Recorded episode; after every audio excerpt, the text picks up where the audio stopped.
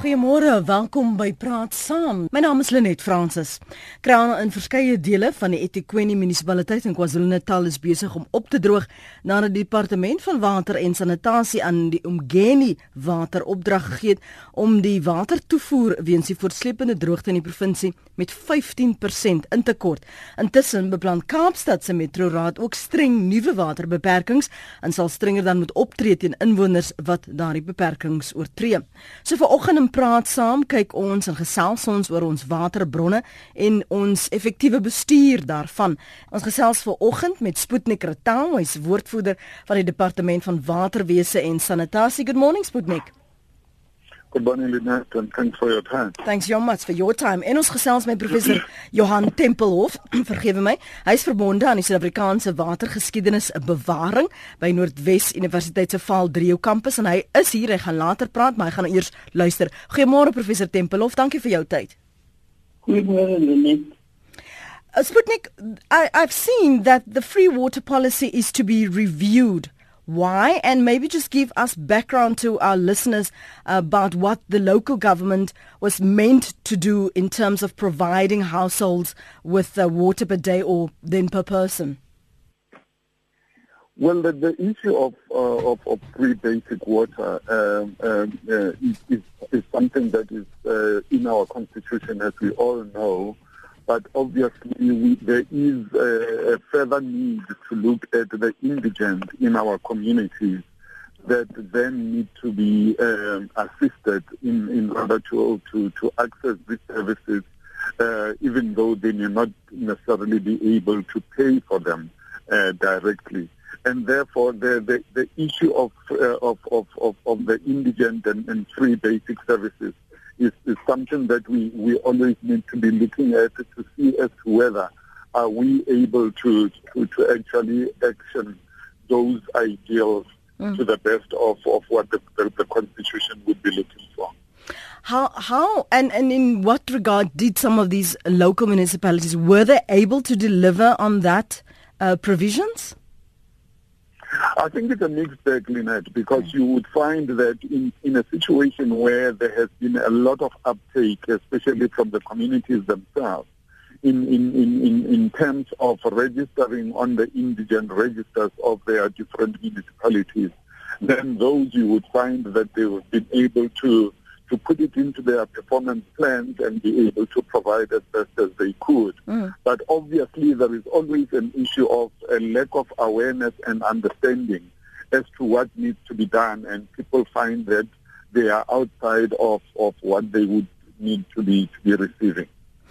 I don't know, but you know better. Were there any, and maybe you can refer us to one municipality that delivered has an impeccable track record where this is concerned, lessons learned from that? Because it seems to me that there's been a huge challenge in even delivering half of that by most municipalities, particularly with these water restrictions.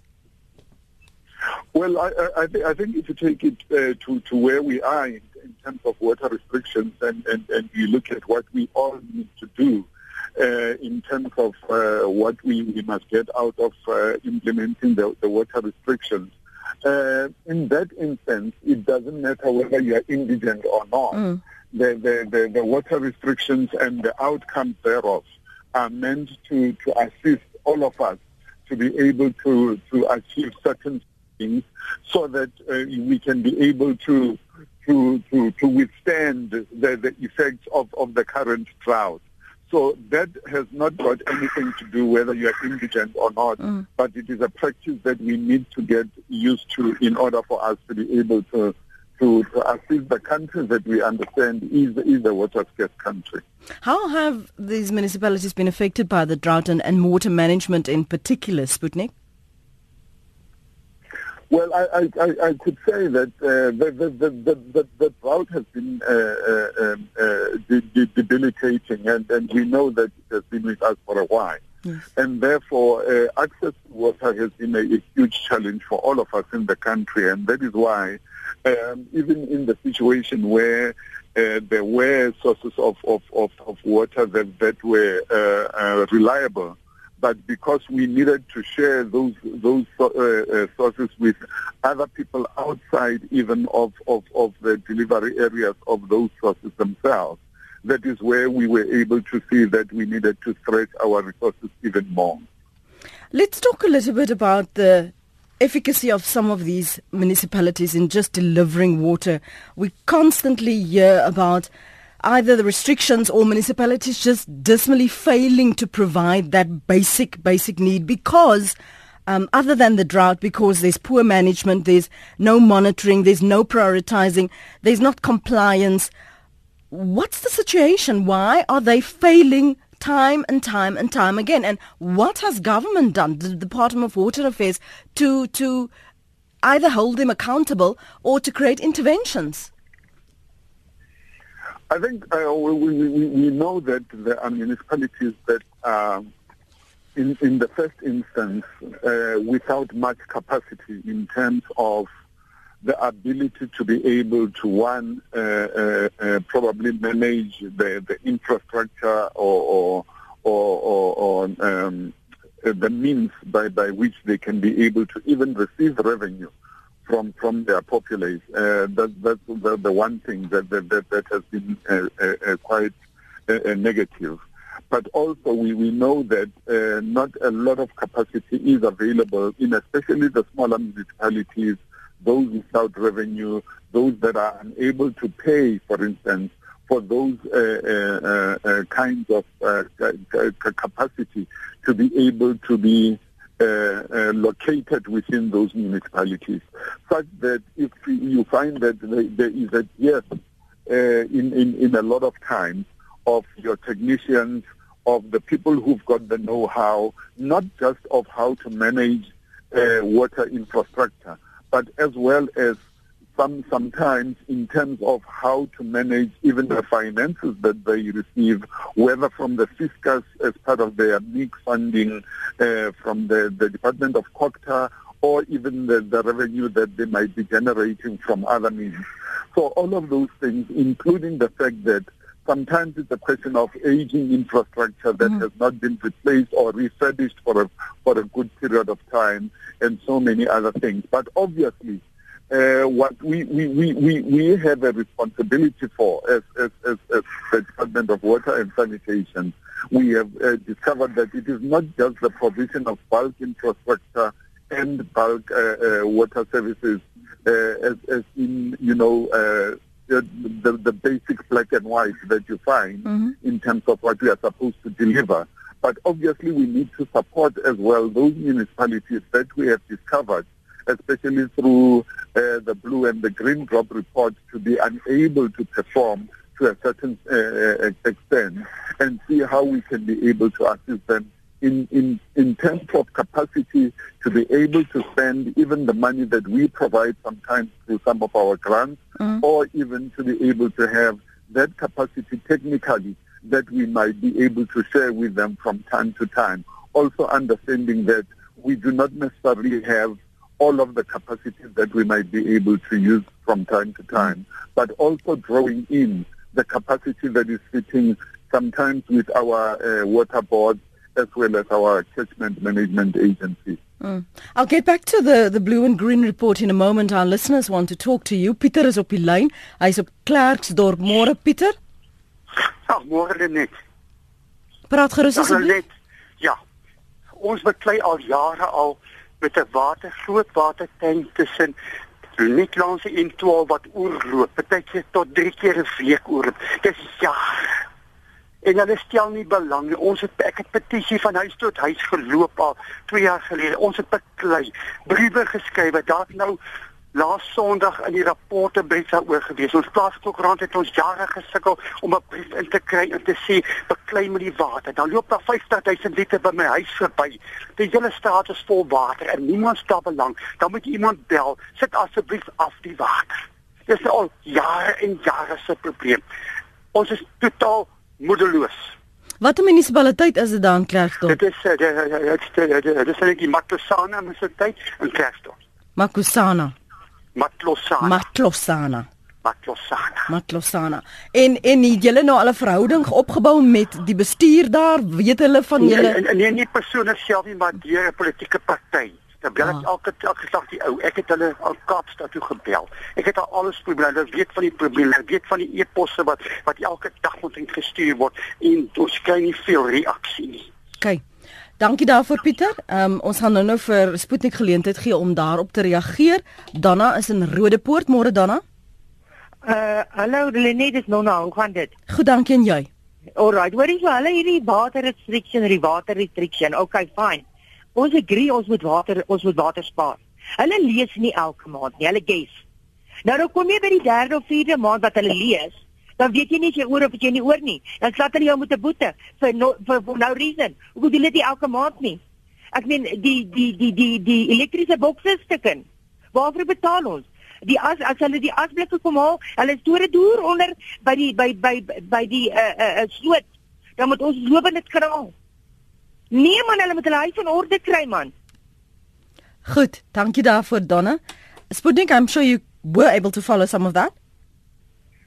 I have been able to follow some of them. Uh, um, yeah, I, I, I, I, I heard about the, the, the, the story around Matlosana. Yes. I know that I think from yesterday, the issue of Matlosana came to, to, to my attention on an individual basis or personally Mm. yesterday. And I think it's something that we are following up with our colleagues in the Northwest to see exactly what the issue is. Because the the the the, the, municipality there uh, uh, uh, where where this is happening would need to to be able to understand what actually the, the issues are. Because once we can be able to engage with them and understand from them what their difficulties are, we can then be able to assist as best as we can. You see, the, the, the message that we receive as taxpayers is that there are different sets of rules. That it's acceptable to threaten us and say that we need to conserve water, but that the municipalities get away with huge amounts of waste and that they don't get fined. So there has been a suggestion that some of these municipalities that seem incapable of delivering basic services like water should either have their licenses revoked or someone else needs to take over the management of those um, licenses or, or those delivery services. What has been the Department of Water and Sanitation's response to that suggestion? How effective uh, can that be?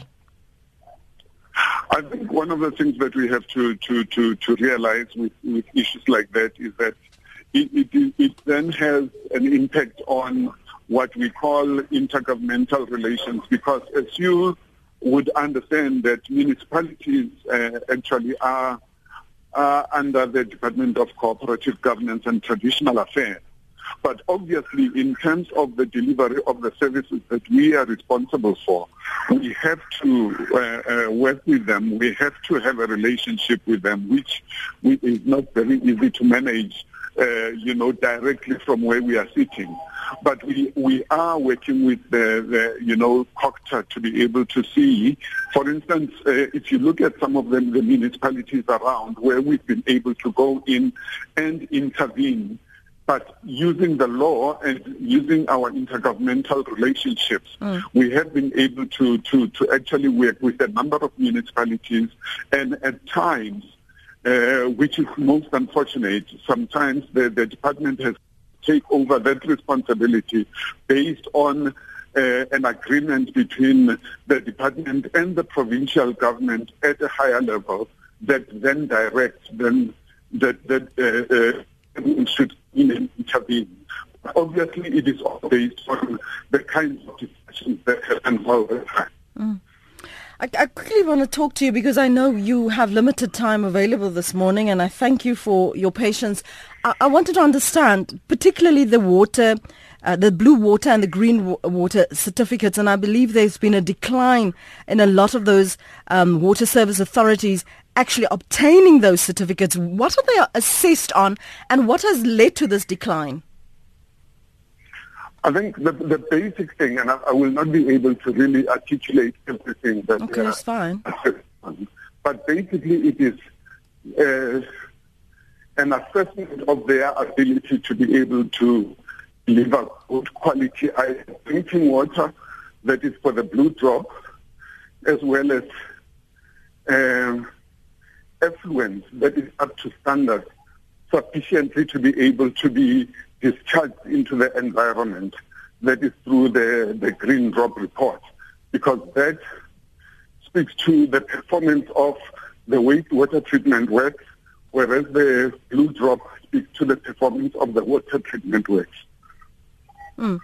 Isn't it an indictment on us as a government and as a department, Sputnik, when there are children that literally don't go to school because there's no clean, water either at their homes or at school, that they have to sometimes walk through sewage to get to school? Why are we not getting this right? I think I think uh, um, we we cannot give excuses for some of the, the activities that happen and the actions that go out there. But obviously, some of the challenges that we have had to deal with, and we are continuing to deal with, uh, refer to the failure of infrastructure. And the failure of infrastructure comes from a number of uh, influences.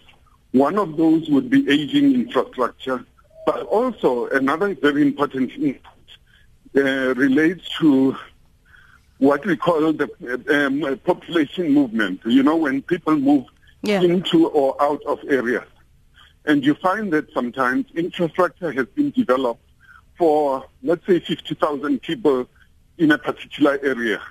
And all of a sudden, because there are supposedly better opportunities that are upcoming in that area, be it economic or educational or whatever, then you see a huge influx of people in certain areas into that same area, which who then must be served by the infrastructure that was designed for, for 10 people. And all of a sudden it's got to, to perform for 500 people. That puts a strain on the infrastructure. And you find at times that we are not able to actually develop new infrastructure at the same pace as people move into the new areas and therefore that creates that difficulty where we are not able to be we are not able either to refurbish or to develop new infrastructure as quickly as possible. But obviously, with time, you find that uh, by the time you've, you've been able to refurbish or even develop new infrastructure, some of those difficulties then dissipate. There's a quick question from Hans in in die Parel, Hans môre. Môre net uh, ek wil net sê twee puntjies vandag. Uh, kan die sluise van die damme, die groot waterdamme nie kleiner gemaak word dat daar nie so baie water in die riviere weggeseet word nie. Daar loop miljoene kubieke meters water elke dag weg, weg. En die tweede punt is waar in Suid-Afrika 'n nuwe woongebied aangelê word In Europa het jy twee waterstelsels. Jy het 'n grijswaterstelsel en 'n gewone binnewaterstelsel, né? Kan nou net kyk daarna dat dat by nuwe woongebiede jy onmiddellik 'n twee waterstelsel het. Dit sal wat ek wil sê, hoor. OK. Dankie daarvoor Hans. Okay. Uh, tot sins, hy is op lyn 3 en dan Jan op lyn 2. Jan. Hallo. Yes Jan, gaan voort asseblief.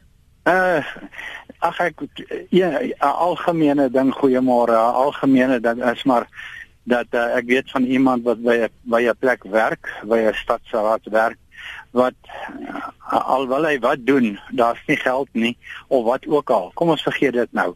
Ek wil net vir jou sê ons mense, ons mense wat watergebruikers is, Daar's iets wat my al lank artikel, ek het nie antwoord nie. Jy weet baie mense het net probleme en nie antwoorde nie. Uh hoor nie hoor net wat sê pa. Janie, het jy die ketting getrek? Ja pa. 10 minute later, Sunny. Kleintjies man. Jy het jy die ketting getrek? Daar's 10 liter water weg vir 'n storting van 'n half liter uh wat moet wegspoel. Uh, ek dink ons het 'n baie groot probleem daarmee en uh, ek wens net iemand wil 'n ding uitwerk wat 'n mens daardie water kan spaar want dis duisende der duisende liters water wat daar wegloop. So al wat ek wil sê vrede en liefde vir jou. Dankie Fred en liefde vir jou ook.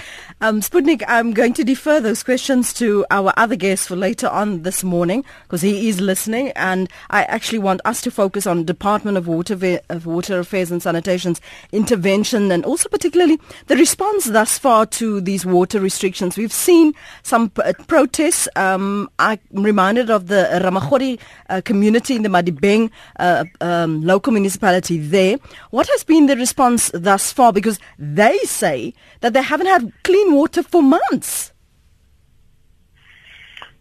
The, the, the situation uh, around Libya, I think, has been ongoing for a while, and that is one of the areas where I could make an, an example of where we had to intervene based on our discussions with uh, the province as well as uh, the Department of Cooperative Governance and Traditional Affairs. But what the, the, the situation in Madigan is such that um, a lot of work is still ongoing. We have done a lot of work still in some of those villages and so on and so forth. But the, the issue of Madibeng includes development of, of new infrastructure. It includes refurbishment of the of the water treatment works in Brits and, and other areas. And therefore, it is not something that that, that, that, that would happen in, in, in a day or two or a month. Mm. It's something that is ongoing. And also, we remember that um, Madibeng is, is basically under administration, and therefore we are working with the administrator to try and find some of those solutions. But what we have done, and, and, and something that we, we, we, we, we, we, we maybe we're not uh, talking a lot about, is that in some of the villages that did not have water at all, like your Majakaning and so on and so forth, a lot of work has been done. There have been people that have been able to, to, to receive water, but also the very fact that the drought has been very debilitating, especially in the northwest, is something that we cannot ignore and it's something that we have to be uh, cognizant of. Mm. But obviously, uh, you know, our water board, the Mahalis Water, uh, uh Mahalis Water, is working very hard together with us, together with with, with Rand Water to, to, to, to a certain extent, for us to be able to resolve some of those issues. But there is also the issue of, and it is a fact, that at times it is a question that we are not we, we may not necessarily have the sufficient funding to mm. be able to do everything that we have to do at a certain point. So it's, it's a combination of factors where we, we, we need to sometimes look at what can be done right now, whereas we are building up to the ideal that, that must happen over, over the longer term. Do we have a plan at Water Affairs Sputnik because it seems like we're just catching our breath and trying to catch up with the one crisis after the other. The crisis is uh, uh, the crises are happening all, all, all, all the time. That that that that, that, uh, uh, that is a fact. But do we have a plan? The matter is that we do have a plan. We work according to our annual performance plan, which needs to be funded where that funding has got to be negotiated at the at the central, uh, uh, uh um, obviously with with um, um, uh, National Treasury, but there is a lot of work that is happening. That is why over time we have been able to build even, uh, uh, you know, more than 10 new dams since 1994, and we are still continuing to do a lot of work towards developing new infrastructure countrywide we are looking at new ways of looking at uh, new sources of water, be it underground water, be it desalination, mm-hmm. and so on and so forth.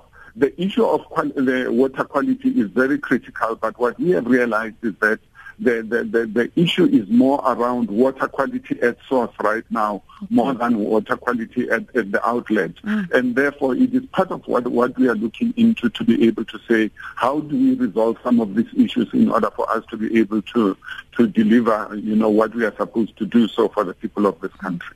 We've had some rains and there was an element of optimism, thinking, a lot of people thinking that now our crisis is solved, particularly in some areas where we were drought stricken. So what's the situation, the status now with some of those dams? Uh, are, are you still concerned? Yes, we are still concerned. The drought is still with us. We have received very welcome rains, but obviously, you know, not all the catchments have been able to receive the the, the, the, the, the water that is necessary for us to be able to, to recharge all of our of all of our resources. Mm. And therefore, uh, the, the, the, the, the, like I'm saying, you know, the drought is still with us. It's still going to be with us for a while. Um, although, uh, even, or rather, uh, especially because when you look at the, the, the, levels right now and you compare them to about a year, two years ago, you can see that the difference has been going downwards. And therefore, we are not in a situation where we can do a song and dance as yet we are still very much within this uh, uh, uh, drought situation, and that's something we need to to to to to, to accept and understand all the time. Sputnik Ratal, as always, deeply grateful for your time this morning on Praat Saam. Have a good day. Thank you so much for hearing us. Dit was Sputnik Ratal, hy is die woordvoerder van die departement van waterwese en sanitasie so 'n opsomming gegee van wat hulle beskou as hul grootste uitdagings Ons wil net water in ons krane hê. Dis vir ons 'n groot bekommernis wanneer daar hierdie waterbeperkings is of daar's net geen water nie. Jy het hierdie watertanks wat aan uh, water aanry, maar dan staan jy in 'n lyn en jy kry nie noodwendig dit wat jy gehoop het jy sou kry nie. Uh, ons hoor gou wat Reiner sê op uh, Hermanus. Herreiner. Goeiemôre Lenet en jou gaste. Ehm um, een van die of daar's 'n paar redes hoekom ons met hierdie droogte so sukkel. Eerstens geen vooruitbeplanning nie. Mm. Dorpe en stede groei, maar daar word nie daaraan gedink om ekstra waterbronne um, te skep nie.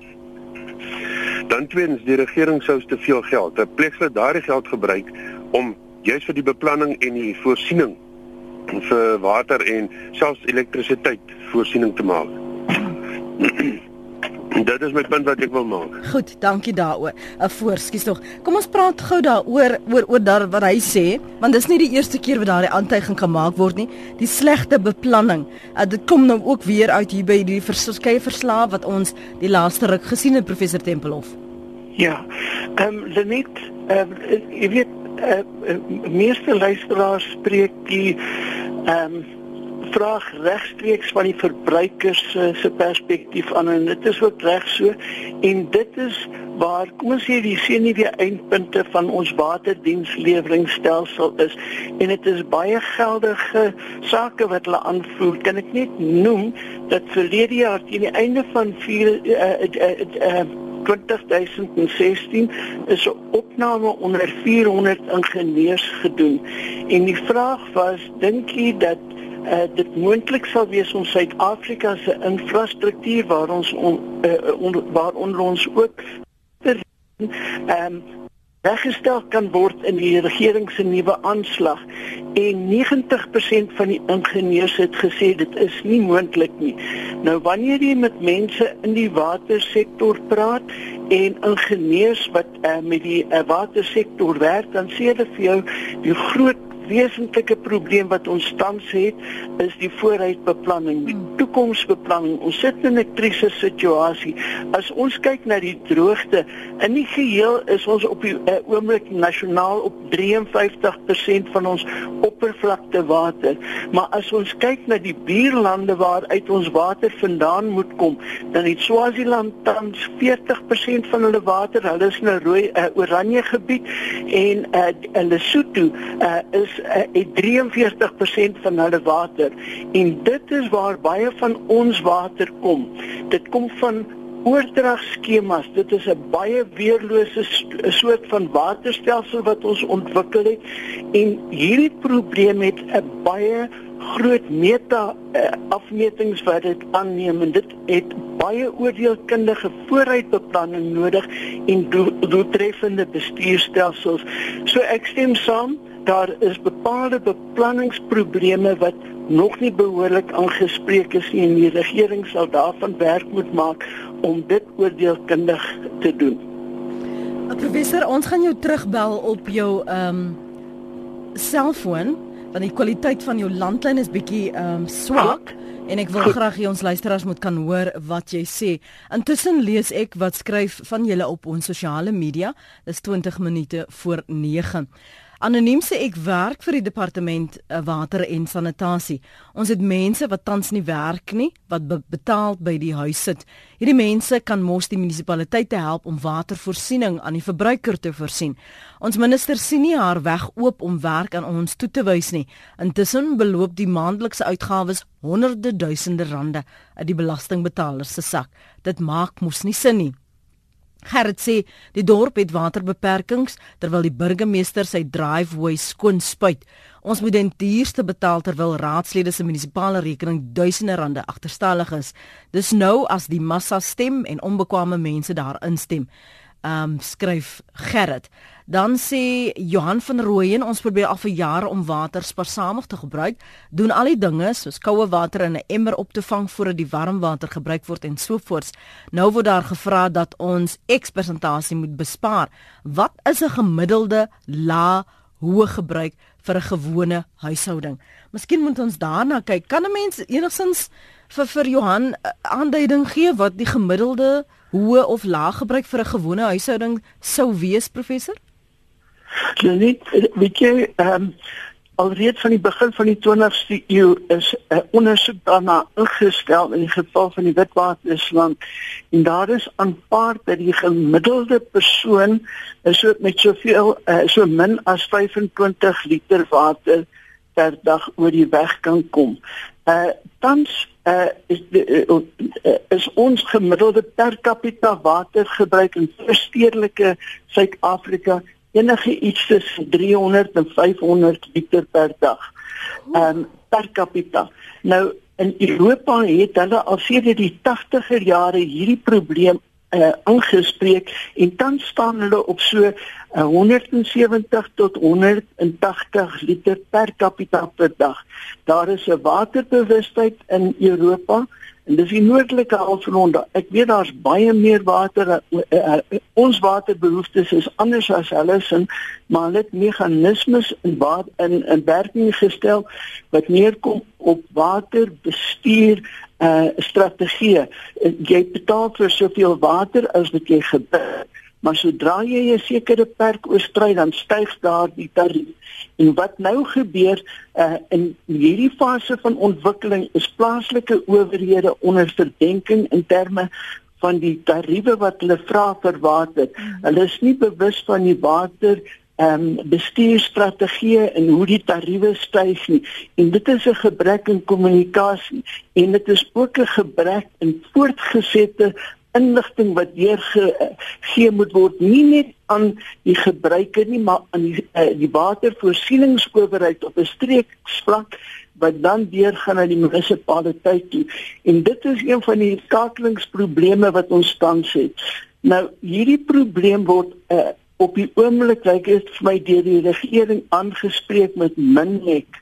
Minmek is 'n komitee van die minister en 'n 'n uitvoerende raadslede van provinsiale regerings. In die 90er jare onder uh, uh, Mandela era het Minmek tot stand gekom. Kan jy my hoor? Ja ja, ek luister. Goed, het 'n minimum tot stand gekom en ons het die wonderbaarlike lewering van dienste gehad in uh, van die mees afgeleë gebiede in Suid-Afrika het mense water en sanitasie gekry. Op die oomblik binne binne die raamwerk van die Millennium Development Goals, die MDGs, het ons 'n uh, heeltemal voldoen aan die vereistes. Ons uh, uh, 90% van ons land se bewoners het water en sowat uh, meer as 80% het sanitasiedienste. En dit beteken dat weer meer water getrek word en baie van daardie mense wat nie vir die water betaal nie, uh, is nie so spaarsamig as vir stedelike mense wat wel water het nie. Uh, maar die stedelike watergebruikers betaal nou meer en dit is waar die klagtes en die besware kom. En ek kan myself heeltemal daarmee vereenselwig want op die oomblik in die uh, bedieningsgebied van Randwater sit ons byvoorbeeld met 'n lekkasie in die waterstelsel van 37%. So 37% van al die water wat in die munisipale krane in Randwater se bedieningsgebied uh, kom net uit voordat dit die verbruiker bereik. En dit is 'n groot verlies. Dit is 'n baie groot koste wat gedra word. En dit is as gevolg van swak infrastruktuur uh, of ou infrastruktuur en infrastruktuur wat nie aldag uh, goed onderhou word deur die plaaslike owerhede nie. En as gevolg van 'n snelle versedeliking is die uh, plaaslike owerhede en selfs die provinsiale owerhede nie daartoe in staat om hierdie probleem aan te spreek nie. Nou met die uh, herontdekking van Minmek deur die minister of deur die regering, dis die eerste keer in die uh, tydperk uh, sedert uh, president Zuma uh, oorgeneem het in 2009 dat daar weer 'n minnet vergadering was hmm. wat regstreeks op plaaslike owerhede en streeksowerhede uh, betrekking het. Nou ek wil nie oor op die ministers raak nie maar ek dink dat dit is moontlike manier waarop ons sommige van die probleme kan aanspreek want wat gebeur het is daar was 'n geweldige fragmentering in die gehalte van dienslewering in mm. baie dele van Suid-Afrika en ons het vir uh, lang tyd vir al die landelike gebiede van Suid-Afrika navorsing gedoen oor plaaslike owerhede waar mense soms vir weke sonder water is. Nou kry jy ehm um, uh, proteste en die infrastruktuur en die staatseiendom, die openbare besit word beskadig. En uh, jy kan jouself voorstel wat die frustrasie vlakke van mense is as hulle vir 2, 3 weke geen behoorlike water het nie en dan gaan hulle oor na hierdie protes toe. Ja. En hierdie wat ons nou kry is die eerste manifestasies van wat hulle noem uh, the failed state. Ja. Dit het ons self al voorgedoen in in uh, Zimbabwe, dis 'n baie goeie voorbeeld daarvan en in el, elders in Afrika is daar ook voorbeelde daarvan. En as ons nie behoorlik te werk gaan om hierdie uh, uh, knelpunt aan te spreek nie, gaan ons voortdurend uh degenereer in terme van hierdie dienste en dit begin by die uh uh, uh, uh, uh beplanning op die sentrale vlak wat dan afgewentel word en in samewerking met die provinsiale en die plaaslike owerheidsvlak uh bedryf word. Ek wil net vinnig nog verwys na twee punte wat uit daardie gesprek met Sputnik na vore gekom het. Ja. Of jou vra om dit so kort te hou waar jy kan. Daar is die voorstel dat die lisensies van sommige van hierdie munisipaliteite wat wat net net boggerol doen dat net teruggetrek moet word dat hulle een of ander manier verantwoordelik gehou moet word. Maar ten koste van wie? Is dit dink jy 'n goeie voorstel? En dan tweedens Sputnik verwys die heeltyd na infrastruktuur maar vir my sê dit ons weet mos nou al lankal waar die probleme is met infrastruktuur. Hoekom bestuur ons dit beter nie? En dan sê hy hulle grootste bekommernis, derde punt, is die waterkwaliteit by die bron. Ja. Ja, presies. Goed, kan ons uh, begin by die by die eerste vraag die, die lisensies korteks, die lisensies dat teruggetrek word. Die van lisensie. Uh, jy sien 'n sekere plaaslike of streeksmunisipaliteite het 'n water 'n uh, 'n uh, uh, voorsieningsleweringsstatus. Dit beteken in gebiede waar daar byvoorbeeld nie 'n groot water uh uh uh, uh, uh instelling is soos landwater of ingenie nie, neem hierdie munisipaliteit verantwoordelikheid vir watervoorsiening. En daar's baie voorbeelde van hulle wat nie hulle werk gedoen het nie. Ons uh, weet uh, baie goed watter owerhede dit is. En in sulke gevalle is dit uitstekend dat daar geskei word in terme van daardie lisensies dat dit weggetrek word en meer regstreeks aan kleiner owerhede gegee word.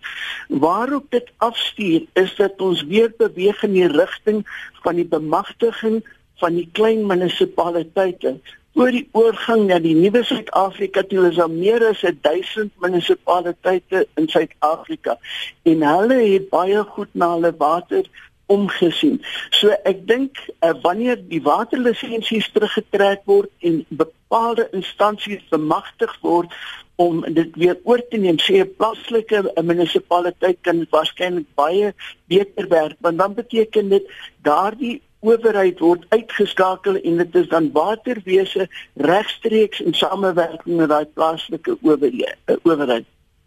En die waterkwaliteit by Brondes wat hy sê die grootste bekommernis en die infrastruktuur van sulke van hierdie damme en ehm um, ja. munisipaliteite se kapasiteit. Ja, weet jy, een van ons grootste probleme tans is riool en daarmee saam uh, ook uh, suurmynwater vir al 15% van Suid-Afrika se opper uh, op land oppervlakte sit ons met die nalatenskap van suurmynwater. So dis toksiese water en jy kan dit nie oral gebruik nie in Klerksdorp omgewing is 'n voorbeeld daarvan. So daardie beskikbare water wat daar is moet baie noukeurig gebruik word. Nou as jy nie dink aan die Vaalrivier die die hardwerkendste rivier in Suid-Afrika dit is letterlik net rioolwater wat daar uh, afspoel en daardie water moet gereinig word. En uh, munisipaliteite se water uh, suiweringswerke uh, is nie altyd van so gehalte dat dit goed gemoniteer word nie en daar is baie uh uh uh, uh, uh, uh gehalte lekke wat uh, uh, uh plaasvind. In 2014 in die dorp van Bloemhof is vyf kinders dood oornag en daar was uh, baie ernstige betogings um, as gevolg van hierdie in Bloemhof uh, helfte van die dorp se uh, waterinfrastruktuur is in daardie tyd uh, beskadig. So uh, daardie tipe van ding, dit is uh, duidelik daar moet meer nou geset op watergehalte bestuur gekonsentreer word. En ek dink uh, in groot ehm um, waterdiensleweringgebiede soos byvoorbeeld Ngeni en Randwater se bedieningsgebied is daar 'n redelike goeie gehaltebeheer. En trouens ek gesê van die beste gehaltebeheer in Suid-Afrika, maar elders kom dit 'n bietjie onder verdenking. En onthou ook veral nou met die droogte vind jy dat baie van die damme se stand laer is en die gehalte van daai water, dit is die bodemwater. So ons gaan 'n bietjie onsuiverhede kry en onsmaaklikhede in die water. So dit is 'n wesentlike probleem waarmee ons worstel. Nou vir ons groet professor uh, ons uh, twee luisteraars het verwys na ons benadering um, met die bestuur van water. Een het gesê, uh, is dit nie moontlik dat ons die sluise by van sommige van ons waterdamme net kleiner kan maak nie en dalk 'n ander stelsel moet oorweeg wanneer ons nuwe woongebiede skep en water aanlê en dan vir jou vra om binne 2 minute dit te beantwoord en dan ook hoe jy dink ons op die oomblik vorder met die waterbestuur in Suid-Afrika. Goed, uh, wat die sluise aanbetref en die uh, beheer van die vloei van water, dit kan ek jou verseker word baie noukeurig gemonitor. Uh, want uh, dit werk alles binne die raamwerk van uh, modelleringsstelsels uh, wat op komplekse rekenaars uh, sisteme dryf word. So daar gaan nie 'n oormatige oorvloei van water wees nie.